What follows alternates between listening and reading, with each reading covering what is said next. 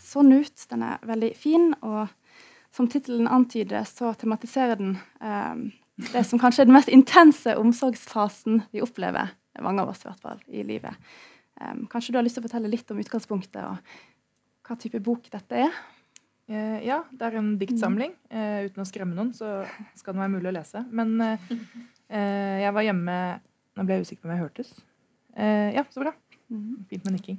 Men jeg var hjemme i Jeg fikk Jeg har to barn. Jeg fikk det siste i fjor og var hjemme i permisjon med en som skrek veldig mye. Så da hun sluttet å skrike så mye, så begynte jeg å skrive på mobilen, bare for å få det ut. Mm. Eh, så jeg, er veldig glad at eh, det var Vigdis Hjorth som tok av for den virkelighetslitteraturen. For at, eh, selv om ikke alt er helt sant, så er det veldig, det er veldig mm. selvbiografisk. Mm. Eh, og det har blitt eh, ganske mørkt, har jeg skjønt etter hvert. Mm. Eller sånn som mamma sa, var det så ille det var? Mm. Um, men, ja. men den er mørk og morsom og Folk sier jo heldigvis at de kjenner seg igjen. Så det er hyggelig. Mm. Men den handler jo da ja, Jeg valgte en tittel som var liksom, det er dette den handler om. Mm. Ikke noe sånn fiksfakseri. Mm. mm. Da jeg lurer på, Beholdt du noe av det, det telefonnotataktige ved diktet, eller gikk du inn og redigerte mye etterpå, eller hadde liksom ja, Litt forskjellig, men noen av dem er skrevet helt. Mm. Eh, og det var også da vi kom til sånn punkt i redigeringsfasen hvor eh, jeg tror redaktøren min måtte ringe meg og be meg holde opp. Altså, nå bare fucker du det til. Fordi at det, det, nettopp det at den skal være litt rå. Og det mm. tenkte jeg også når jeg leste den eh, Olaug Nilsen sin tungtidstale, som også har kommet mm. i høst. Som også er litt sånn rå og litt sånn upolert. Og at det, nesten, det er et poeng, da, å ikke liksom gjøre alt eh, riktig. For det er eh, litt sånn Ja. Eh, som dere hørte det siste diktet, det som jo er skrevet i en sammenhengende kjør. Og det tror jeg også man hører på det, da. Ja. Så er det dette her, sånn skrik, sånn kolikkskrik, som liksom går igjen ja. i veldig mange av dikta. Jeg syns den går som en sånn lyd bak Første diktet ser sånn ut. Ja. Og på noen tidspunkt så prøver også dette dikter-eget å liksom si noe om hvordan det er, og så et tidspunkt så stryker hun til og med over liksom, sine egne mm. setninger. Og det er akkurat som det er en, en slags livskrise på et vis. Mm. Og hva, hvorfor ja, dette er, er det, er opptatt av. Dette kan jeg snakke veldig mye om. så vi skal ikke sitte her hele dagen. Men ja. uh, jeg er veldig opptatt av det at mm. når du får barn altså, det er, det jo veldig opptatt av Hvordan kan man snakke mm. med om det å ha barn, men som ikke har mm. det. Uh, men det er jo veldig intens, det kan man jo si for de fleste. Og det som er at når du får barn, så tvinges du på en måte til å se deg selv i eller Du skal forholde deg til din egen barndom, alle dine egne traumer, alle dine egne tanker hver, mm. hele tiden. Hver eneste liksom, samtale, hver eneste mm. interaksjon. Og da hvilke spøkelser som kommer ut av det, nei, hvilke skjeletter som kommer ut av det skapet, er litt forskjellig mm. for å være oss. da. Mm. Men at det blir en sånn livskrise fordi du plutselig må se alt du har holdt på med til da, i en litt sånn nytt lys. Mm. Som eh, jo ofte er det som skjer i en livskrise. Det er jo mange som sier at du mm. skjønner ikke hva det er å være menneske før du har fått barn. eller noe sånt. Det tror ikke jeg på. Nei. Men jeg tror du trenger å ha opplevd noe litt sånn fått noen smell i livet, da. Mm. For å kjenne litt på det. Om det er et mm. barn eller noe annet. Det. Ja. En kombinasjon med ekstremt lite søvn ja. og ekstremt lite tid Det kan vi også snakke litt om. Men ja. ja. La oss ikke. Uh, og så ligger det også en slags dårlig samvittighet der. sant? Følte jeg det, mm. sånn jeg leste i hvert fall. En slags følelse av å være liksom egoistisk eller svak når en ikke får til det presset som det er. da. Um, Dikta jeg sier f.eks. i stedet at uh, det er et slags, et slags, kor der som på en måte sier til henne at hun i det minste burde være takknemlig for å ha et friskt barn. Mm. sant? Uh, hvor kommer den dårlige samvittigheten fra? Internett er jo mm. ganske bedritent. Mm. uh, men ja, det er jo jeg litt Det tenkte jeg sånn i kveld. da, En ting er på en måte at jeg tenker på om, at jeg har skrevet mm. om omsorgen som en voksen viser til, eller til mm. barnet sitt, men en annen ting er jo den omsorgen vi har i et samfunn. Mm. hvordan snakker vi til altså Hvordan er mødrefellesskapet? Hvilken mm. omsorg viser man til de som har fått barn? Og i samfunn som det er i dag, så er det jo veldig lagt opp i sånn um, ja, veldig mor og barn ikke sant? skal være mm. alene hjemme. veldig liksom Bygge den, mm. den, enheten. Og besteforeldre er jo ofte i full jobb eller mm. i Syden og realiserer seg selv. Uh, og alle vennene er jo på jobb. Altså, den arbeidslinja fører jo til mm. at det er en veldig sånn press og ensomhet på det som jeg tenker at burde vært mye mer ja, eh, og det er liksom baby showers som er blitt sånn uh, mm. veldig koselig. Mens det man trenger, er jo noen som kommer og hjelper til. Altså omsorg i det å hjelpe til og være der til stede for noen. da. Mm. Det er litt interessant at med flere tiår med feminisme og egentlig diskusjoner om morsroller, så, så er det et sånt tabu tabu likevel som man opplever når man står i det. Ja. Når man oppdager at noen aspekter ikke er så kjekke ved det, eller ikke mm. er så vakre da, ved det å være mor. Ja. Mm. Um, kanskje du har lyst til å lese litt mer for oss, forresten? Jeg har lyst til å ja, høre litt mer dikt. Ja. Um, da kan jeg lese noe om litt mørke, da, hvis, siden det var lovet at det var så mørkt. Jeg vet jeg ikke burde glede meg så mye, sa hun der hun lå med magen i været og 21 dager til det dag. Nei, sa jeg, du blir jo ikke akkurat fri, bare se på meg. Nei, sa hun og så på meg. Men, sa jeg, jeg måtte si noe, du slipper jo å være gravid mer. Ja, sa hun. Graviditet, vet du, sa jeg, er som en konstant treer på skalaen. Du blir ferdig med treere. Du får en tier. Og veldig mange enere. Veldig mange enere, for å være ærlig. Babyen får omgangssyke, og du lærer at det fins en negativ skala. Vestlige matematikere skjønte ikke at det fantes en negativ skala før godt inn på 1800-tallet. Vestlige mødre skjønte det nok tidligere. Alle babyer går ned i vekt etter fødsel. Negative tall er mammatall. Kineserne visste det 200 år etter Kristus. Ikke rart nettopp de oppfant ettbarnspolitikken. 200 år før kineserne satt hun som var født 15 år før Kristus, og oppdaget de negative tallene. Hun skjønte det nok ikke med alle kongene og eslene og myrraen, men hun gjemte alltid sitt hjerte og grunnet på det. Du oppdager minus én i omgangssyken og minus fire etter hvert, tro du meg. Og minus tolv skal du kjenne på når babyen din utredes. Hvis du er riktig uheldig, finner du kanskje en lengre minusrekke enn jeg. Og noen på den bussen du tar, har garantert oppdaget flere negative tall enn du. Eh, hvor var jeg, sier jeg. Jo, du får en tier.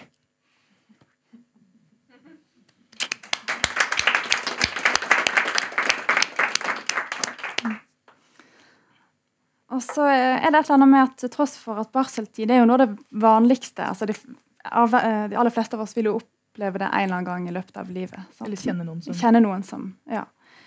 Eh, og Likevel så virker det som det er en, en ensomhet der. Mm. For eksempel så, så vender dette eget seg til verdenslitteraturen og oppdager at eh, det fins ikke damer som meg der. Um, men det var, altså, ja. Jeg hadde mm. en kronikk liggende klar. men også også jo, om det med... Jo, litt om det. Ja, om å ha en kronikk liggende klar. Men eh, det med altså, barseltid på film og TV, mm. som er på en måte kanskje den måten mm. Jeg husker Da jeg fikk første barn, så var det sånn ja, men du har jo skiftet en bleie før. Mm. Nei, jeg har ikke det. Mm. Eh, men at de eller de inntrykkene du har av barseltid, er enten de damene du ser som er ute på veien og triller, eller som sitter på kafé og ammer. Og det er jo de vellykkede. Det er de man ser som ikke har fødselsskader, eller som ikke får til å amme, eller som det ikke er noe som ikke klarer å gå ut fordi de er så lei seg. Mm. Eh, eller så er det film og TV, og det er jo helt påfallende. Eh, og tilsvarende i litteraturen også. Graviditet er et sånt tema, og alle har jo sett mm. liksom, vannet går, eller at man blir større og større. Man, det har man liksom et språk for. men veldig når du begynner å tenke på det, så forsvinner jo babyene mm. bare med en gang etter mm. at de er født. Det er helt sånn Bortsett fra nå i år så kom siste episode av Girls. Uten mm. å spoile for mye, den bør dere se. Um, men ellers er det ofte sesongavslutning, og så er babyen bare borte. I Solsidaen så blir det født noen tvillinger, og så kommer vi tilbake jeg vet ikke om det er fire eller fem år senere. Så er det sånn Nå er alt fint. altså at Hele den perioden der, fordi at den eh, Og det tror jeg jo er jo noe med at, og her kommer feminismen inn, da, ja, men at, uh, at, det som regnes som historiefortelling, er det mannlige. Mm. Sant, Ut og slakte dverger og orker. Mm. Mens uh, var, altså når du er i barselperioden, så klarer du ikke å samle tankene nok til å altså Du ville jo ikke klart å ta noen som kom inn engang. Mm. Um, så det at hva som vi regner som historier, og hva som vi regner som viktig å fortelle mm. så det har jo blitt et sånt, Jeg startet ikke der, men det har blitt veldig sånn viktig for meg å skrive for en barselkvinnen. da, ja. Og dermed kvinner og sånn. ja. For det er jo litt interessant at egentlig så burde man jo tenke på det å få barn som det mest eksistensielle som ja. man kan oppleve. sant? Mm. Vanvittig livsendrende og perspektivendrende og alt. Og likevel så er det akkurat som man er redd for å bli bundet opp i noe sånn trivielt. Eller altså, Det finnes ja. et sånt aspekt der eller en sånn forestilling som gjør at Er du enig i det? Eller? Ja, jeg blir sånn det Personlig er politisk ja. uh, mer uh, ja. Omsorgsroller på et vis mm. framstilles som noe trivielt. Ja, og det er jo kanskje fordi at omsorg er i mm. oms, altså, om, I hvert fall tenker jeg på omsorg veldig mye som arbeid. Som det liksom mm. daglige date. Du kan ikke komme inn og vise omsorg eh, en gang i måneden. Liksom. Mm. Det er en sånn bearbeidelse. Liksom, å vaske klær og holde det liksom rent. Mm. Og det er jo Det vet man jo at i For å gå over til liksom ut av min bok, da, mm. men at det som kalles det tredje skiftet altså mm. Det var liksom jobb og husarbeid og det er liksom alt det der å holde styr på bursdager og det å liksom mm. ringe folk og sjekke hvordan det går med dem, det faller jo på kvinner. Og det er helt mm. usynlig. Mm. Fordi man snakker ikke om det. Kvinner, altså, kvinner, merker ikke hvorfor de blir så slitne, før man plutselig kanskje tenker over all den omsorgen man gjør, mm. som ikke tematiseres og ikke belønnes noe særlig. Mm. Oi, jeg kan snakke lenge. Nå ble jeg sånn ja, dårlig samvittighet for Nei da, vi skal over uh, Vi skal samle trådene til slutt og snakke mer om dette. Ja. Så det skal vi få tid til. Mm, jeg vil bare nett for liksom, I forlengelsen av det da, så blir ofte disse kvinneforumene på nett, som også snakkes litt om i, i boka eller diktene, mm. veldig latterliggjort på et vis. Sant? Men allikevel så er det liksom der man trekkes inn når man er ja. i situasjonen. Så det er vel kanskje der man kan finne et slags søsterskap av andre som er i den samme mm rå ja, for det sier jeg jo også. opplevelsen. Samtidig mm. som jeg trengte å gå ut av internett fordi jeg syntes det var så mye dritt der, så er det veldig mm. påfallende hvordan man snakker altså Når folk snakker om liksom Kvinneguiden og Mammanett mm. og mammaforumer, så er det så hånlig. Og det var veldig viktig for meg i boken at det ikke skulle bli hånlig eller mm. avstandstagende for det folk søker etter når de trenger noen som bryr seg. Mm. Vi kan bare hoppe kanskje sånn gradvis videre og snakke litt med, med Rita. Rita har skrevet en roman som heter 'La meg bli med deg'. Den ser sånn ut. Um, kanskje du òg, Rita, bare har lyst til å med dine egne ord si litt om uh, hva ja. slags bok det er? Uh, det er alltid vanskelig å si. Mm. Uh, men jeg tror jeg begynner å bli vant til å si at, eller bare liksom akseptere at den handler om omsorgssvikt, og at mm. den Uh, skri, eller forteller om et overgrep, eller kanskje flere. Um, og så Hovedpersonen i boka heter Lara og er 15 år. Uh, og på de ca. 100 sidene så får man høre litt uh, om Får vite litt om hvordan hun har det hjemme. som det er at hun har en lillebror og en mor. denne moren kommer ikke, er ikke så mye hun er ikke så veldig til stede i livene deres. Og så har hun en lillebror som hun har et veldig godt forhold til. Um, som hun er veldig glad i, uh, og som hun passer på. Og som også passer på henne på en eller annen måte. Så har hun en venn uh, og en nabo som hun uh, har kontakt med. Da. Men ellers er hun liksom Hun er veldig stille på skolen. vil helst ikke prate om følelser. Og um, for når jeg skrev denne boka, så ville jeg skrive om en som blir utsatt for omsorgssvikt. Eh, og vise hvordan det preger hennes handlinger senere, når hun skal begynne å ta egne valg. Mm. Kanskje du har lyst til å lese litt for oss? ja, det kan jeg gjøre. Mm.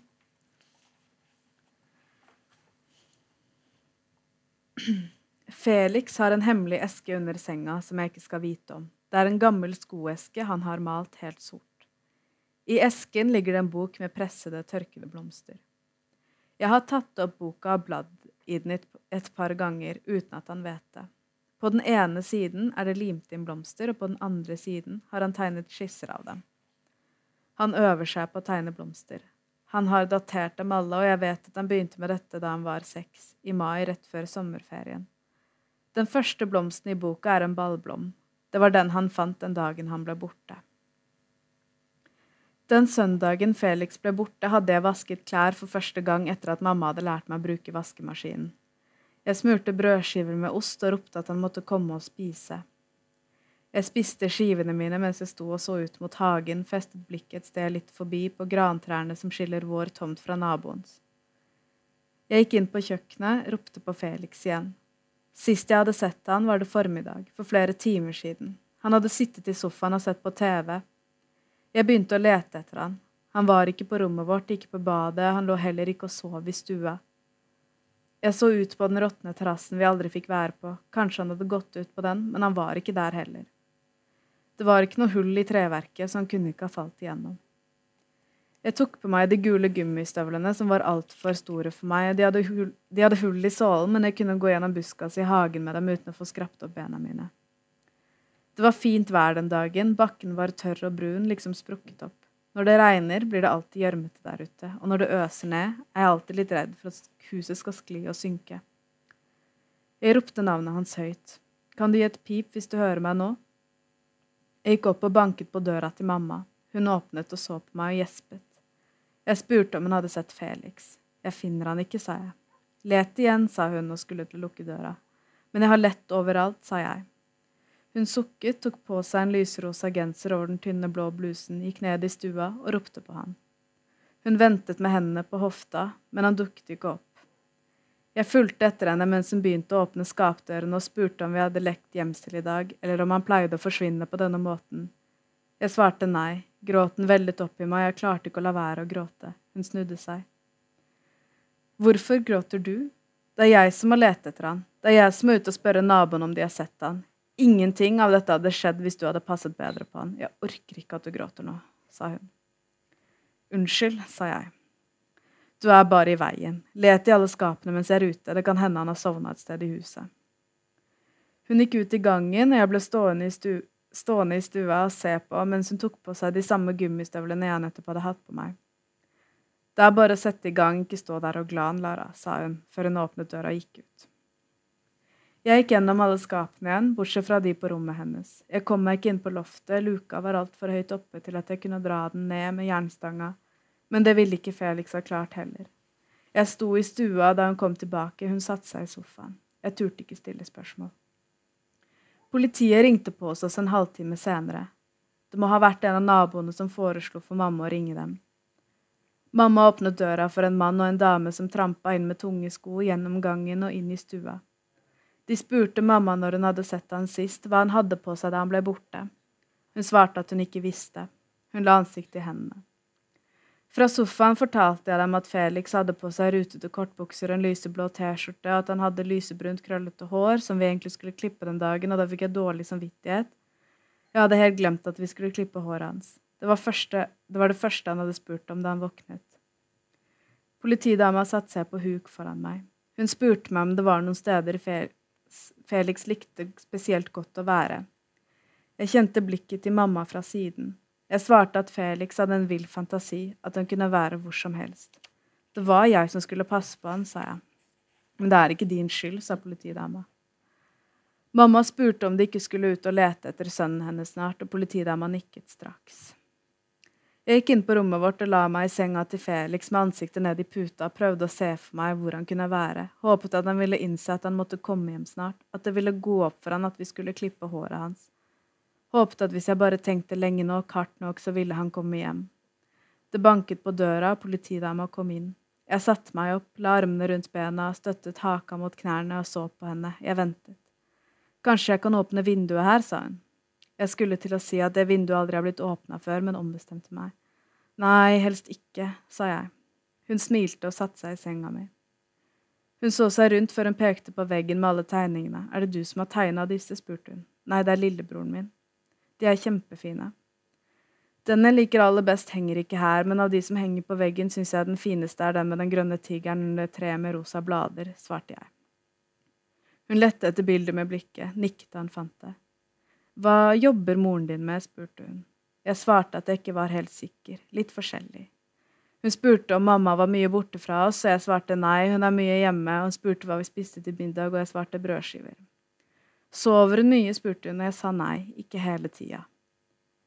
Noen i nabolaget skal hjelpe politiet med å lete etter lillebroren din, sa hun. Kommer dere til å finne han før det blir mørkt? Hun reiste seg opp og sto rett over meg. Kanskje du skal hvile, hvile deg litt, så vekker jeg deg når vi vet mer. Ja, men jeg vil være våken, sa jeg. Men hvis du hviler nå, er du opplagt når Felix kommer hjem, sa hun. Jeg la meg ned, hun pakket meg inn i dyna og spurte om jeg ville at lyset skulle være på, jeg svarte at hun kunne slå det av. Men du må love meg at du vekker meg med en gang han kommer, sa jeg. Hun nikket og gikk ut av rommet.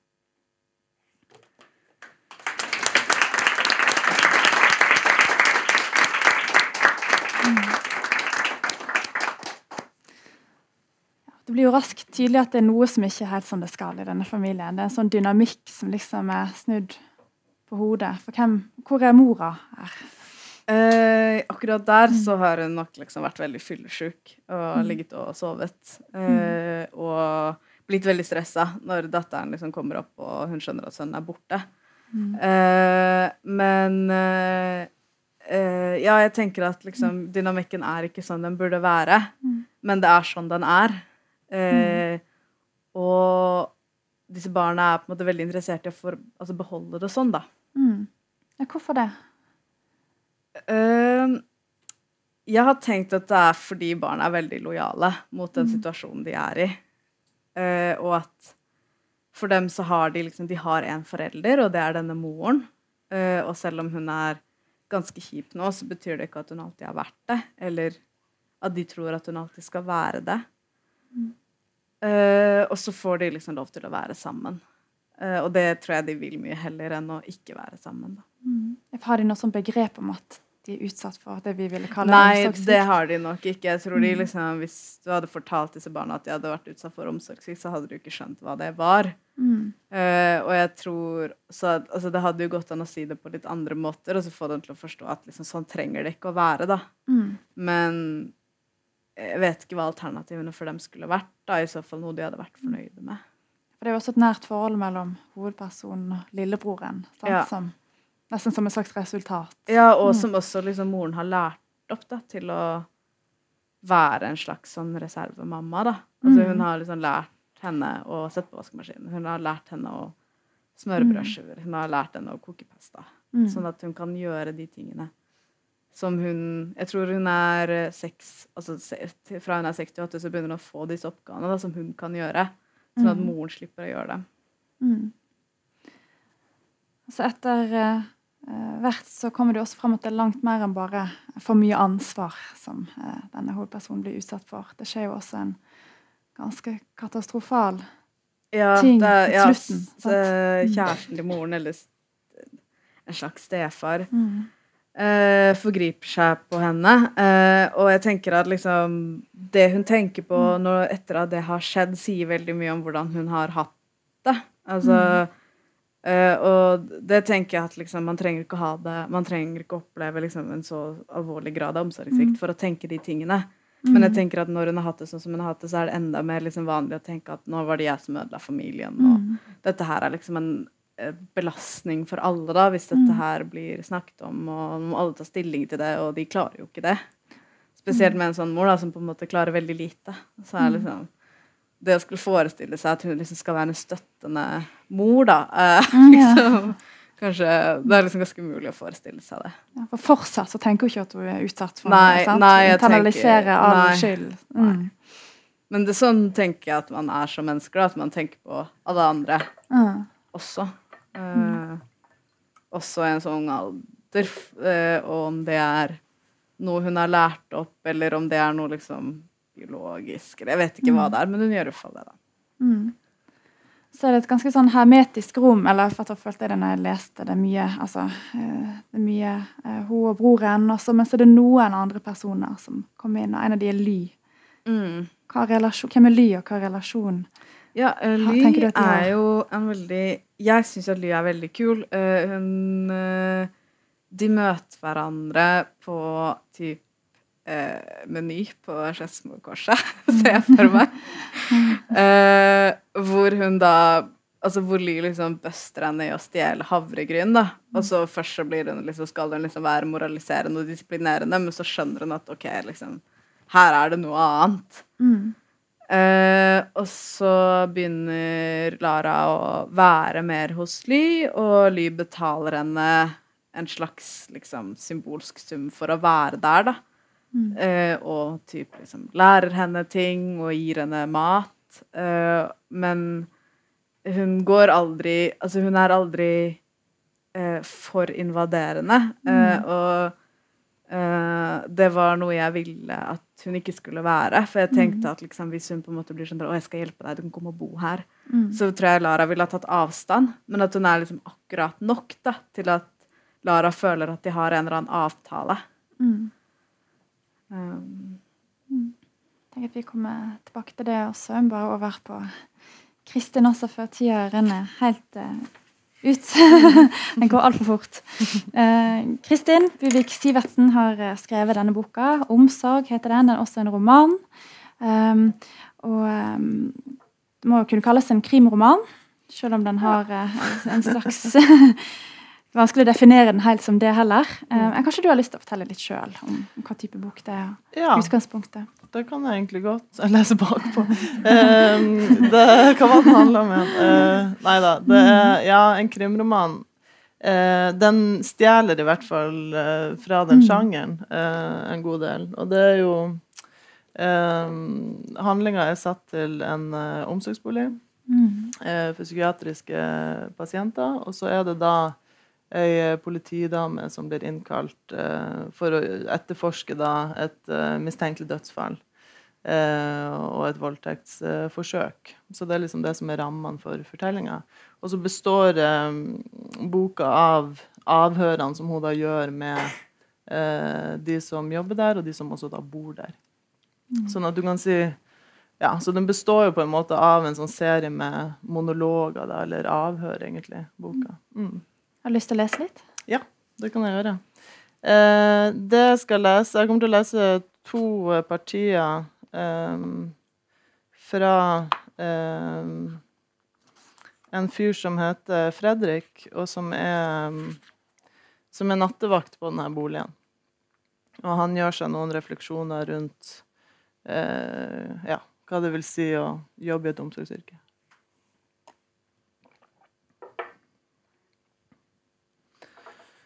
Det å jobbe som miljøterapeut er egentlig et umulig yrke. Ta begrepet omsorgsyrke, f.eks. Et paradoksalt begrep, ikke sant? Omsorg og yrke i ett ord. Hvordan kan man ha omsorg, en følelse som vel er umulig uten kjærlighet, for noen man ikke er i slekt med? Eller noen man ikke har noe til felles med, eller har valgt til å være en del av ens liv? Jeg vet ikke om det er omsorg vi egentlig driver med.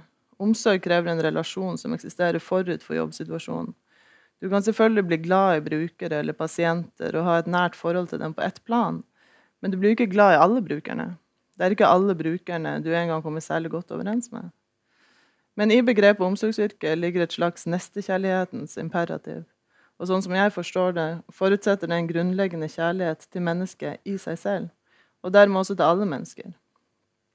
Tanken er god, og kanskje var det nettopp en sånn type kjærlighet man liksom ville tvinge fram ved å kalle disse yrkene nettopp det omsorgsyrket. Det legger et enormt press på den som skal utføre jobben. Det å virkelig møte et menneske, særlig et menneske som er så grunnleggende forskjellig fra deg selv, og i denne typen situasjon, krever vanvittig overskudd og innsats.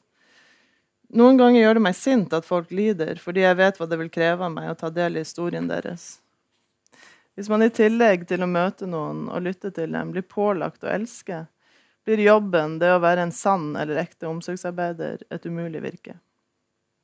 Jeg utfører mine arbeidsoppgaver fordi jeg tror på det systemet vi har, altså et system der folk som ikke har like gode forutsetninger som meg selv, blir ivaretatt og får hjelp og støtte. Jeg abstraherer kjærligheten min, sender den inn i systemet og får ut konkrete arbeidsoppgaver som jeg utfører. Så i den grad jeg viser omsorg, viser jeg den gjennom handlingene mine. I handlingene mine er det kjærlighet i de arbeidsoppgavene som utdannelsen min har gjort meg i stand til å praktisere, det kan jeg være med på. I systemet er det omsorg. Men jeg har ingen personlig omsorg for disse menneskene. Jeg prøver å si til meg selv at det er det som er min rolle, at det er nok å legemliggjøre statens omsorg for sine innbyggere. Så skal jeg lese et uh, parti som kommer litt senere i boka, fra han samme nattevakta. Jeg husker at jeg våknet opp dagen etter katastrofen, og at jeg var på besøk hos bestefaren min og mamma i Tromsø. Jeg våknet av at radioen var på, og at mamma ropte ut i et slags hikst at det var 100 stykker, og at det ikke kunne være sant. Jeg kledde ikke på meg, men gikk rett ut på kjøkkenet der mamma sto halvveis bøyd over kjøkkenbenken. Beseiret, tenkte jeg. Da hun så meg, sa hun at 100 ungdommer var skutt alle de ungdommene, Fredrik, og klemte armen min altfor hardt. De neste dagene var jeg rastløs. Jeg kjente et voldsomt behov for å komme meg tilbake til Oslo, men flyet mitt gikk ikke før på mandagen. Mamma hadde ansvaret for Åpen domkirke i Tromsø og møtte foreldrene som hadde fått barna sine henrettet, eller som ennå ikke visste. Herregud, herregud. Mamma sa jeg skulle være der og hjelpe til, siden jeg var i et slags omsorgsyrke. Jeg gjorde det, og søndagen leste jeg teksten før prekenen hennes. Jeg prøvde av en eller annen grunn å holde igjen, så jeg ikke skulle begynne å gråte. Da jeg reiste hjem, dro jeg direkte til sentrum med sekk og alt. Stygge, trygge Oslo. Jeg sto utafor domkirka i noen minutter før jeg gikk videre mot regjeringskvartalet. Det var som om Oslo hadde stoppa opp. Det lå knust glass på fortauene. Jeg kjente en trang til å plukke det opp og rydde det vekk. Vaske bort blodet fra gata. Det var folk overalt, men ingen turte å si noe. Ved Stortingsgata stoppa jeg opp da det kom en gjeng ambulansefolk oppover. Mens de gikk opp gata, ble folk stående og se på dem. Jeg husker det som om alle spontant begynte å klappe samtidig. Jeg husker det som i en film. At applausen bare bredte seg utover og runget utover Eidsvoll plass. En av de uniformerte kvinnene grep en kollega i armen og tok seg til ansiktet. De smilte ikke, men så på hverandre med fortvilt uttrykk. De prøvde å komme applausen vår i møte, men ansiktene fortrakk seg i grimaser. Jeg skulle jobbe igjen den natta. Det ble slutt med eksen min for en stund siden. Vi var samboere. Og da det ble slutt, måtte jeg flytte ut. Jeg fant meg kjapt en ny leilighet, men det hadde gått for kort tid. Selv etter fire år. Jeg hadde ikke overskudd til å innrede den. De som solgte meg den, malte veggene kritthvite før jeg overtok. Det ser jo ut som jeg bor på et sykehus, men det gjør jeg jo nesten nå. Og en kveld jeg lå hjemme mellom pappeskene og så på TV, kom jeg over den dokumentaren der de viser de tidligere upubliserte klippene fra konsentrasjonsleirene. De viste den på NRK i forbindelse med 70-årsmarkeringen. Soldatene som kom til konsentrasjonsleiren i 45, ble møtt med hauger av lik. Igjen uniformerte menn og kvinner som gasser folk i hjel. Neste gang jeg slo på TV, var det 20-årsmarkering av Srebrenica-massakren. Så det var liksom det samme hele tiden. Ting gjentok seg. Og nå føles det som om jeg er tom for argumenter. Vi kan si at det er viktig med demokrati og ytringsfrihet, men ordene blir bare til støv i munnen min. Når jeg puster ut, kjenner jeg eimen av muggent papir. Jeg har ikke lenger noe vern mot alle disse tingene. Jeg må liksom bare akseptere dem som en del av verdens kaotiske logikk.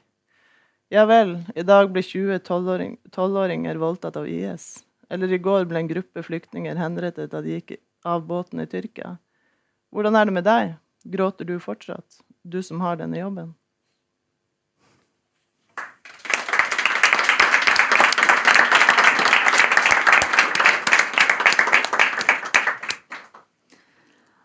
Um, det første man legger merke til når man leser boka, er jo hvordan den er inndelt. Den er inndelt nesten utelukkende etter avhør med forskjellige personer i denne omsorgsboligen.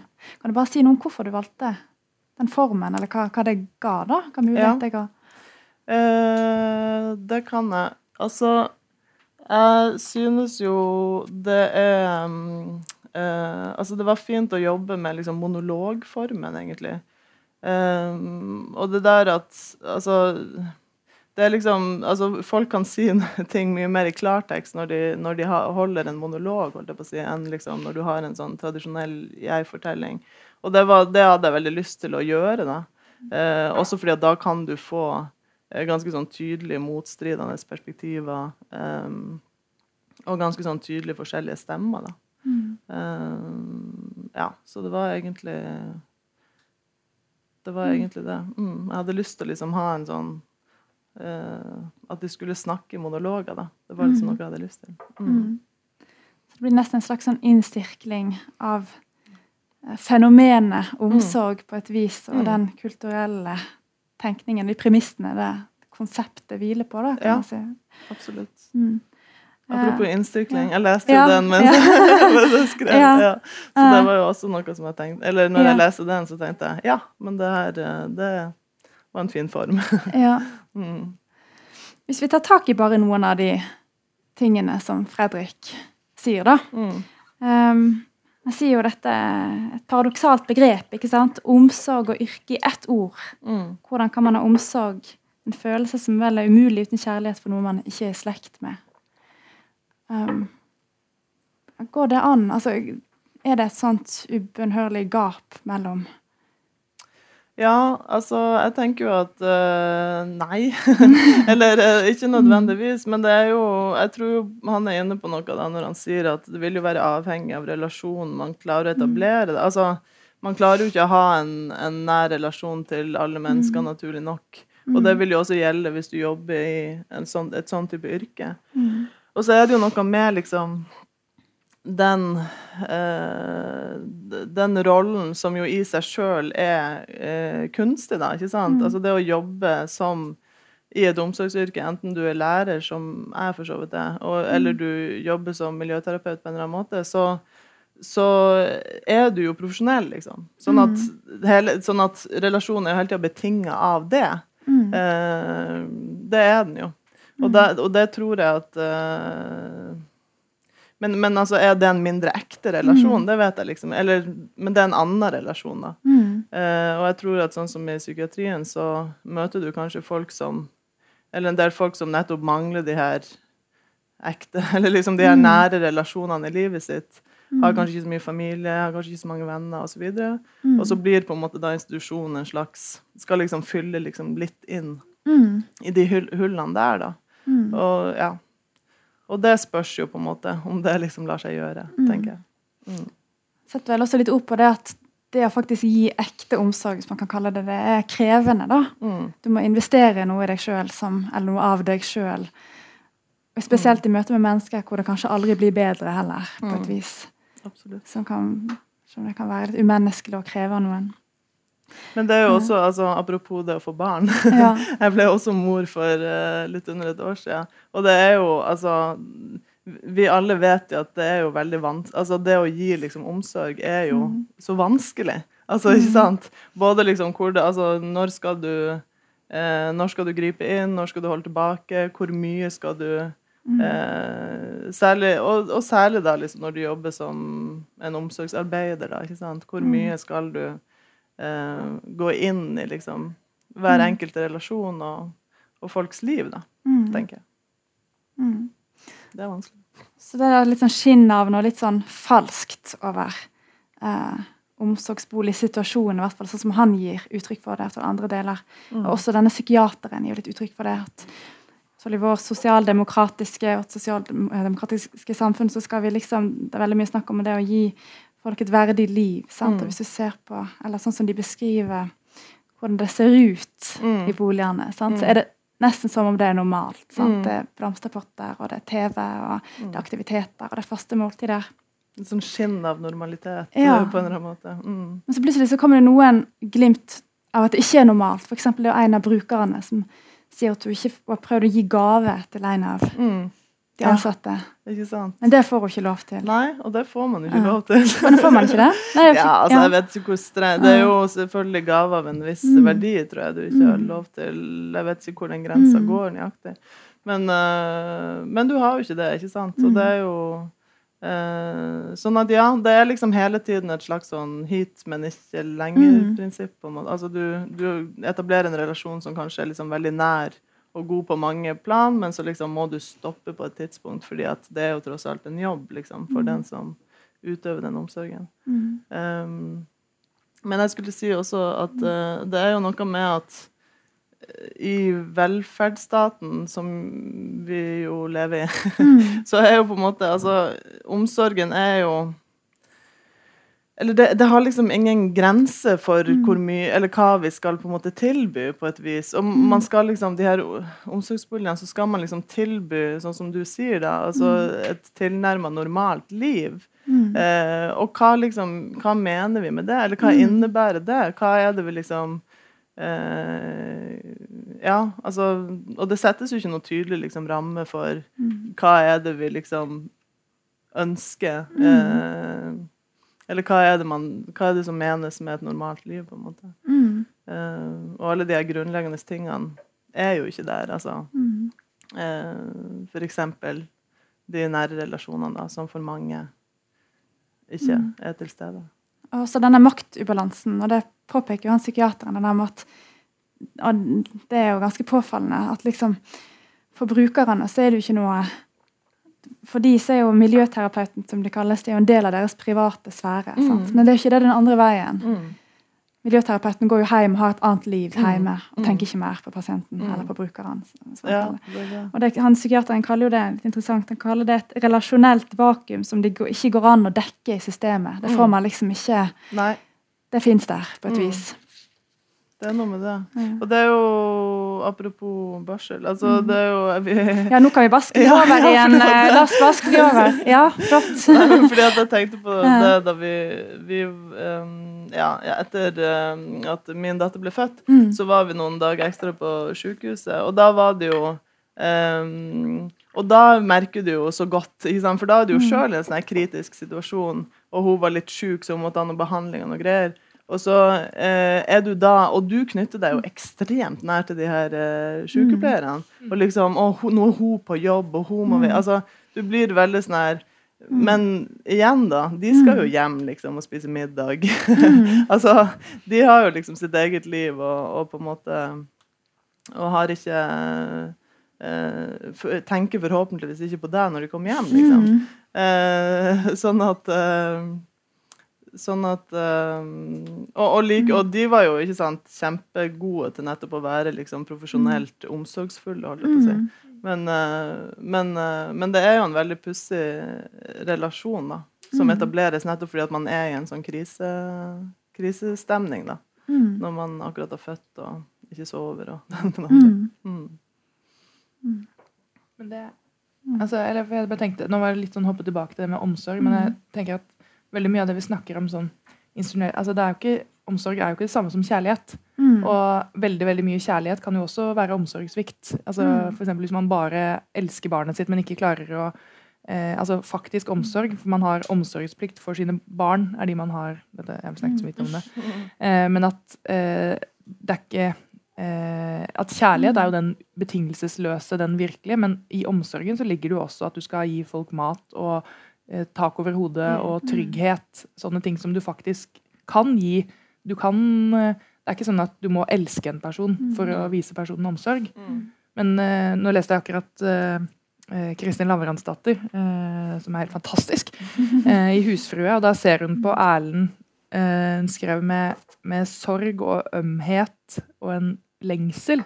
Som jeg tenkte at det ligger noe sånn vondt nest, altså Du må nesten distansere deg i omsorgen for å klare altså, Nå har jeg akkurat drevet sånn søvntrening på mitt barn. da, eh, Og det er faktisk omsorg, selv om det er helt bedriten fordi hun skriker, og jeg har det fælt. Jeg gråter, og hun skriker. Men, og eh, folk på internett sier at jeg mishandler henne.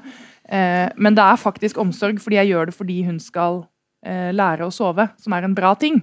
Men det er jo helt skrekkelig når jeg holder på. Det er jo ikke er, Da må jo jeg ta en sånn distanse ut. Ja, jeg tror jo mer på liksom på at omsorgen kan finnes uh, At det ikke bare er blodsbånd som kan skape Ja, og det tenker jeg også. Men, jeg tror, men det er jo nettopp det, da, når man definerer det som på en måte å sørge for noen. altså mm. liksom Å gi dem tak over hodet, gi dem mat osv. Så, videre, så er det jo Um, men det er jo nettopp det man på en måte ikke gjør tenker jeg, i de her omsorgsboligene. Der går man på en måte hakket videre og sier nei, men det her er helt naturlig. det her er helt uh, ikke sant? Altså, Der går man nettopp over den grensa. da. Mens når man er i andre typer sånne pleiesituasjoner, eh, som sykehus, da, for eksempel, da, eller mm. kanskje eh, eldre eh, i større grad, så, så, driver man jo mye mer med pleie. Og da er jo liksom omsorgsoppgavene kanskje mye mer tydelige, kanskje. Mm. ikke sant? Mm. Mens når man har det her samtale Vi drev jo Jeg sjøl jobba på omsorgsbolig, da, det skal sies, men eh, vi drev jo mye med sånne samtaler ikke sant, også. Um, uten at man nødvendigvis har noen utdanning i det. ikke sant? Sånn at det er jo liksom alle de her um, Det blir så grenseløst, da. Og det er liksom det jeg tenker at um, At uh, nettopp den typen uh, omsorg krever kanskje Eller liksom Mm, fordrer kanskje liksom en eller annen form for relasjon. Liksom. Mm. Ja. ja nei, det gjør du helt klart. Mm. Og en eh, Jeg nevnte så vidt det, det, har vært en sånn dokumentar om Sankt Halvardshjemmet mm. som jeg synes var veldig interessant etter å ha lest din bok. Mm. Som var et prisbelønt sykehjem i Oslo. Den ligger på NRK. Eh, hvor, som blir lagt ned fordi det er mugg i veggene og sånn. Og det er nå én ting, men da kommer liksom eh, myndighetene inn og bare legger det ned og sier ja, alle får ny plass på forskjellige steder over hele Oslo. Og så blir hun helt sånn overrasket når de ansatte gråter. For de ansatte blir jo sånn Her har jo gamle Anna hun har jo bodd her i åtte år. Jeg har jo et, det, jo ikke, det holder jo ikke å si til meg 'hun får det fint'. Shalabais! Ja. Eh, fordi at det faktisk er et intimt og nært forhold. da. Mm. Så den syns jeg var veldig interessant. Altså Hvis man mm. le, altså anbefaler, lese Kristin sin bok først, og så se den dokumentaren etterpå. Eller omvendt. Det, ja. Nei, for det blir jo deres hjem, og så plutselig så brytes det opp. Og, mm. Mm. Men det er jo litt sånn, altså hvis man skal snakke om litt sånn problematiske institusjonen, så er det jo også det problematiske familien. Det er jo ikke gitt at man kan vise omsorg. Det snakket vi litt om mm. i stad før vi kom inn her. bare sant? Og alternativ, eller liksom at det ikke fins et sånt system, på en måte, om det så er litt falsk omsorg eller falsk kjærlighet, eller hva man skal kalle det. Mm. det, det er jo, altså, systemet uteblir jo på en måte i din roman. Rita? Ja, jeg er veldig for uh, velferdsstaten. Mm. Jeg syns det er en kjempegod idé at man uh, ikke liksom belager seg på at mm. nære familiemedlemmer skal liksom legge opp sine liv da, for å passe på andre familiemedlemmer. Uh, men det er jo ikke det, det kan altså, det, kom, vet, det, kan aldri bli perfekt. Sånn som det å gi omsorg til et barn eller et annet menneske heller ikke kan være Det vil aldri være nok, da, uansett hva de gjør. Um, jeg tenker at i liksom, i akkurat Lara sin uh, um, fortelling, så er det jo Jeg har i hvert fall tatt tok et bevisst valg om å ikke uh, la henne gå til et barnevern. At det ikke skulle være noe barnevern. Uh, det var veldig enkelt, fordi hun forteller aldri om hvordan hun har det. Mm. Um, og så tenkte jeg veldig mye på at hun har ikke lyst til å bli hjulpet. Mm. Uh, og det tenkte jeg også på når jeg leser liksom, uh, Kristin sine liksom, fortellinger, da, eller de for forskjellige mm. menneskene som faktisk bor på omsorgsboligen, at det har gått ganske langt mm. før de havner der de havner. Uh, og de har jo ikke blitt altså, Det virker som det liksom har blitt plukket opp av systemet først når det har gått ganske langt. da. Og i, i Lara, for Lara sin del så har det jo aldri gått så langt. Og hun ville mm. vært ganske umulig å hjelpe fordi hun ville ikke ha hjelp, og moren ville ikke ha hjelp, og broren ville ikke ha hjelp. Mm. Det er interessant at du sier det, for at blant beboerne, eller brukerne, mm. eh, som man kaller det på, på eh, omsorgsboligen, så er det et slags system de imellom av en, en omsorg, mm. som kanskje er ekte, da. Mm. Sant? Ja. Mm. Uh, ja, ikke sant? Uh, og det er det jo, tenker jeg. Mm, absolutt. Mm. Det er jo etableres jo liksom vennskap. og Det er jo mellom han Rolf Inge som dør, da. Altså han som død. Og, um, og um, Trygve. To uh, eldre menn som, uh, som da Som har et veldig godt og nært vennskapsforhold. da. Mm. Mm. Uh, og så er det jo hele tida spørsmålet om hva som er det private og hva som er det politiske. Ofte så brytes jo de. sant? Og det er jo, tenkte på, når jeg leser din eh, diktsamling, Kristin, så um, For at den berører jo en del, eller i hvert fall den tematikken som det har gått en del debatt om også i det siste, med tanke på Um, ikke hvor mange som har fulgt den, men det har vært debatter om for dette med permisjon. Hvordan det skal fordeles mellom Det er jo satt ned et statlig ja. utvalg som skal mm. bestemme en ny måte å gjøre det på. Så ja. da er det jo klart at folk blir litt hissige. Ja. Uh, og så slo det meg at én um, ting er på en måte likestilling på papiret eller i politikken på et vis. Og så kan, kan man kanskje være enig i det før man står i situasjonen sjøl, men når man er i har fått et barn, f.eks., så tenkte på, eller Et av de aspektene som jeg, jeg la merke til, var det veldig kroppslige ved det ja. å få barn. Og det er jo litt forskjellig. sant? Mm. Um, Skal jeg foregripe ja, den kronikken her liggende nå? Ja, gjør det. gjør det. ja, nei, for jeg, jeg, satt akkurat på veien hit og skrev um, mm. Men uh, dette henger litt sammen. Jeg har også snakket en del med Ida Jackson, som har skrevet mm. noen veldig gode kronikker i Dagbladet. Så jeg er veldig mm. hennes skole. Uh, men uh, det går jo på det at det å få barn er mm. veldig forskjellig for mm mor og far, og at uansett hvor likestilt man var og hvilke ideer man hadde, så er det veldig forskjellig. Og at å prøve å late som noe annet er veldig rart. Det er veldig rart mm. at alle de eh, store folka som nå går inn for å 50-50 dele, som jeg var mm. på papiret veldig for, og jeg gjorde første graviditet og var veldig fornøyd med, Eh, dette blir langt, kjenner jeg, men jeg skal prøve å skjerpe meg. Men det jeg, eh, det jeg, er veldig opptatt av, da, det er at å dele og sende folk hjem én og én og håpe at de løser problemet alene, mm. syns jeg er en veldig rar måte å si at sånn skal vi løse problemet på. Istedenfor å heller ha Så mitt forslag, da, som jeg kommer til å ha kronikk i snart, eh, forhåpentlig, eh, det er at eh, i utgangspunktet så får kvinnen det første året. Mm. Så, men så innfører vi sekstimersdagen for menn med barn under tre år. Mm. Fordi at da men det er bare hvis de henter i barnehagen og lager alle hverdagsmiddager. Det er en genial løsning. fordi det man vet er at Kvinner jobber dobbelt så mye husarbeid hjemme som menn. Eh, fortsatt. Eh, hver dag. Hver eh, jævla dag. Eh, I tillegg så er det kvinner som har det tredje skiftet, som jeg nevnte i stad.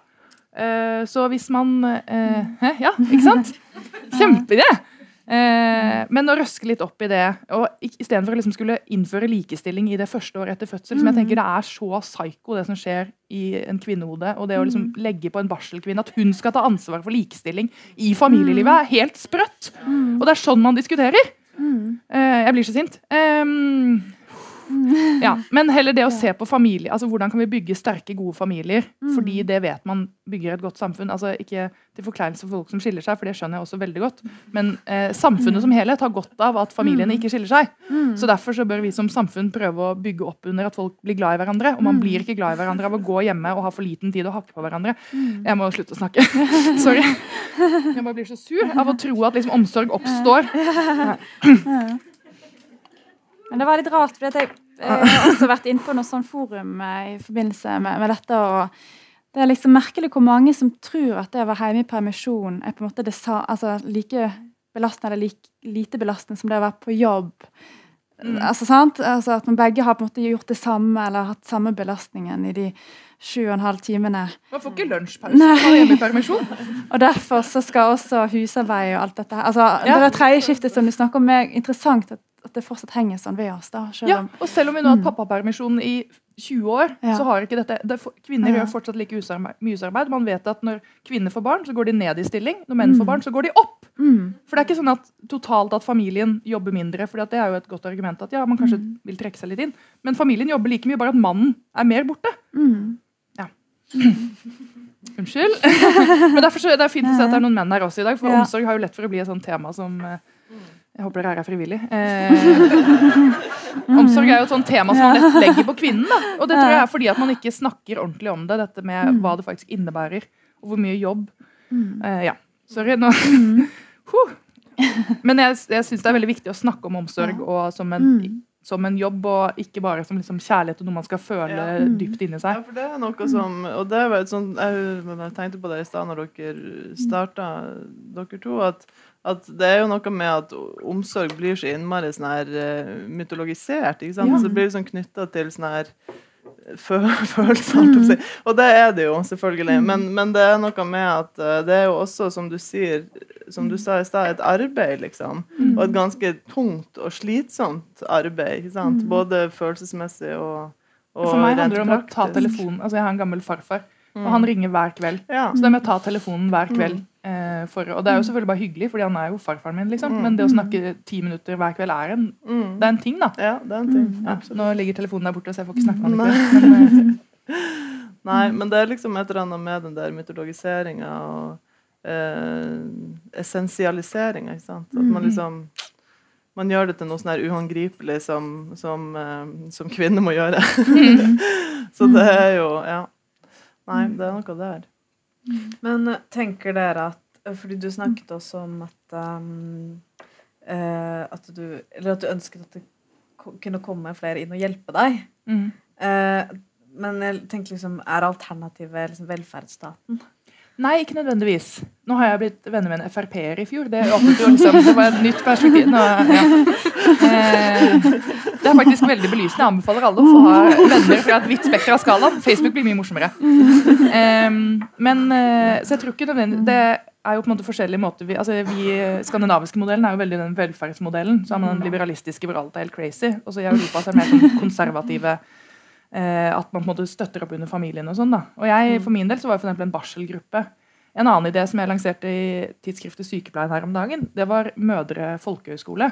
For nå blir jo mødre ekspedert ut av sykehuset liksom fortere enn du altså det, mm. Morkaken har jo ikke kommet ut før man skal sendes hjem. og det er jo en ting sånn medisinsk at man ikke skal ta opp for at medisinsk sett så uh, kan man få mm. omtrent samme oppfølging. Men det fellesskapet mm. som man trenger uh, Som man hadde før. Ja, fordi at da var det kanskje flere rundt som hadde barn. Folk mm. var hjemme.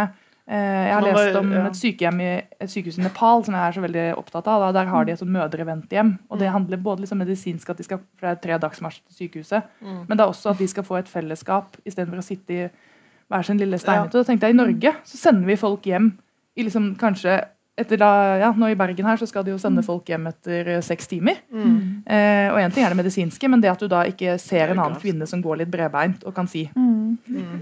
eh, Og skjønne at du ikke er helt alene. Mm. Hjem til liksom husene våre så skal vi sitte med internett, og så skal vi Ja, Altså- det er helt håpløst. Ja. Og det er jo også det der at sånn var, Før var det jo ikke sånn. Man var ei uke på sykehuset, liksom. Men hvis man da ble sendt vekk fra sykehuset, men inn på en sånn institusjon, da, men kanskje Mm. ikke med så mye, liksom, men bare for å liksom snakke med hverandre. Mm. Bare for å liksom få den der ja, folkehøyskolestemningen hvor alle Ja, ja. ja. Og det sier jo også han eh, psykiateren, ikke den som sier det på et tidspunkt, at hvorfor opponerer man ikke mer mot den effektiviseringa som Mm. liksom er over hele Mm. fjøla, som ofte får gå litt sånn u, Mm. imotsagt, da, på en Mm. merkelig måte, men som mm. Ja, absolutt. Mm. Ja. Jeg tror tror det er begge deler, både ja. institusjon og Men jeg tenker at vi må ta mer ansvar for hverandre. og ja. Men jeg, ja, jeg tenker liksom at ja, altså velferdsstaten er jo svaret på alt. Men, men det er jo eh, Men jeg, jeg tror man Altså tilbake til den der mytologiseringen. Altså, jeg tror liksom man må på en måte være mye mer Man må kanskje lage noen tydeligere rammer, eller Jeg vet ikke. Men det er jo Ja, nei, jeg hadde ikke noe godt svar. men ja. Jeg vet ikke helt. Ja, jeg har jo ikke Hva kunne, vært hva eh, kunne ha hjulpet, men hva kunne ha hjulpet Lara? Mm. Hva Um, ville, altså at skolen, eller altså Hvor kunne hun ha blitt truffet? Hvis hun var eleven til Kristin? Det er jo selvfølgelig veldig mange steder hvor hun kunne ha blitt truffet, men Mm. jeg tenker at når du ikke vil ha hjelp, så er det veldig vanskelig, og det er jo veldig liksom eh, tydelig for henne, da. Men det har på en måte Sånn som den episoden med politiet og den, det forholdet hun har til Ly, har jeg tenkt at det er liksom også veldig symbolsk. Så når hun blir voksen, så vet hun at det har eksistert. Da. Jeg tenker Mm. at det også um, gjør at uh, hun ikke er liksom fullstendig miljøskada uh, når hun da blir voksen person. da. Mm. At hun vet at, eh, at hun har noen liksom referanser som var gode, at det var liksom noen som prøvde å vise noen form for omsorg. da. Jeg tror på en, eh, eller at det er jo påfallende at hennes omsorgssvikt At hun må vise så utrolig mye omsorg. Mm. For lillebroren, det er jo det som er omsorgssvikten hennes. At hun må vise så mye omsorg. Og det kan jo Jeg er jo litt optimistisk på vegne av Lara. Eller Jeg er kjenner en som ja, ble utsatt for sånn da han var liten, og han har reagert veldig på det ved å skulle være dobbelt så normal, eller liksom vise dobbelt så mye omsorg og vis, vite hva han ikke skal. Mm. Eh, og det er jo min opplevelse også av Lara, at hun Mm. vet hva hun ikke skal. Og hun får jo så dårlig samvittighet. Mm. Mm. Ja, det var Jeg tenker liksom at de er veldig um, de, de er veldig selvstendige uh, og klarer seg også selv, da. Og selv om de liksom vokser opp sånn som de gjør. Um, så var det en ting til jeg tenkte på som jeg ikke husker uh, Å, nei, jeg har glemt det. Men jeg hadde en tanke er det, det blir jo litt et problem, kanskje, at de som har mest behov for omsorg, enten det er der eller der, Mm. det si, også er de som i minst grad formulerer et krav om det. da. Mm. For det, ja. Ja, jeg tenker at det er derfor denne boka er så kort. Fordi det er liksom eh, det, det er hennes ordforråd, da. Eller det, det, det spekteret av ord hun har, da. Mm. Og det er ikke så mye. Eh, I tillegg til at det ikke er så egentlig mye hun tenker at det er viktig at hun sier. da. Hun forteller på en måte ting mens de skjer. Uh, ikke så mye liksom hvordan hun har det, eller hva hun tenker om Mm. ting. Uh, og jeg tenker at det er veldig typisk for tenåringer Mm. generelt, og også for tenåringer som vokser opp i de forholdene hun gjør, da. Mm. Um, men ja, det er jo veldig privilegert å kunne Jeg vet ikke hvor privilegert man må være for å være på sånne mammaforumer. oh, det er en fest, altså. Men, nei, men det, Skrive kronikker, da. Så Ja, det er liksom ikke trenger tilgjengelig for alle. Mm. det sto i den uh, Olaug Nilsen-boken 'Tungtidstale', så skriver hun også om at når hun, hun er jo forfatter, ikke sant? så hun kan jo formulere en søknad til Nav. Hun har en sønn som er sterkt autistisk og trenger mye hjelp. Og så tenker hun på liksom alle disse eh, alle disse andre foreldrene som bare har lyst til å skrive 'Barnet mitt er galt! Hjelp, hjelp, hjelp!' og ikke ha ordene. Og nå leste jeg akkurat den intervjuboken med Vigdis Hjort også, hvor hun før hun ga ut Arv og miljø, så jobbet hun som sånn, eh, forteller, eller skrivetrener på et sånt sted for eh, organisasjoner, bl.a. de som har blitt fratatt barna sine. Og hun sa at det som slo henne Og Vigdis Hjorth har jo virkelig Hun kan jo skrive fletta av eh, alle, men hun ble så slått av det at folk ikke hadde språk. At de bare gjentok seg selv. Barna ble tatt fra meg. Mm. Barna ble tatt fra meg. det, det var på 17. mai. Barna ble tatt fra meg. Barna ble tatt fra meg. Det var veldig fælt. Og så jobber hun på en måte med å hjelpe dem å gi en fortelling.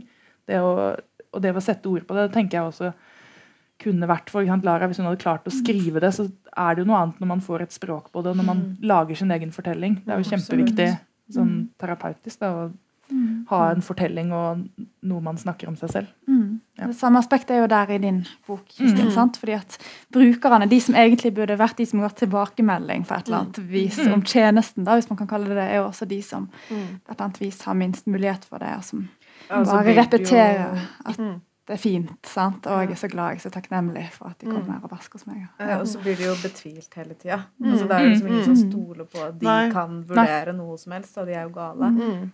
Ja, for det har vært ganske viktig for meg. At liksom det skal hele tida Absolutt. At det, liksom, det er jo hele tida noe som, som uh, ligger i bakgrunnen. At liksom ingenting av det de sier, kan jo tas på alvor, liksom. Mm. Og det er jo også um, Apropos det å være språkløs. altså Hun som jo har minst språk i romanen, er jo også den som blir utsatt for mm. det voldtektsforsøket. da. Og hun har jo heller Hun forsvinner jo ut av boka mm. fordi at hun liksom ikke Mm. Hun klarer ikke å liksom uh, Ja, å si mm. noe, da, for å si det sånn. Mm. Sånn at det er jo åpenbart at det er de det går mest mm. utover. Ja, for det tenkte jeg på når du sa det i stemme, at hun ikke klarer å snakke om det når hun opplever et overgrep. Det vet man jo. altså Apropos den kampanjen som går nå hvor folk skal si hva de har vært utsatt for. så er det, Man klarer ikke å si det. Og det er jo ikke bare hvis man har vært utsatt for overgrep nei, for omsorgssvikt i forkant heller, at det er veldig vanskelig. Nei, det, ja. Mm. Nå havnet vi i et mørkt uh... Ja. Som tida har sprunget fra oss. Men er det noen som har noen spørsmål? Noen fra salen som har noen spørsmål til uh, Kristin, Rita og Kristin? Ja? Det kommer kronikk. nå er den ganske ferdig. Super. da gleder vi oss til å lese den også. Og så ja, les selvfølgelig bøkene til disse tre flotte damene. Og bare si tusen takk for at dere kom. Så skal vi få en applaus.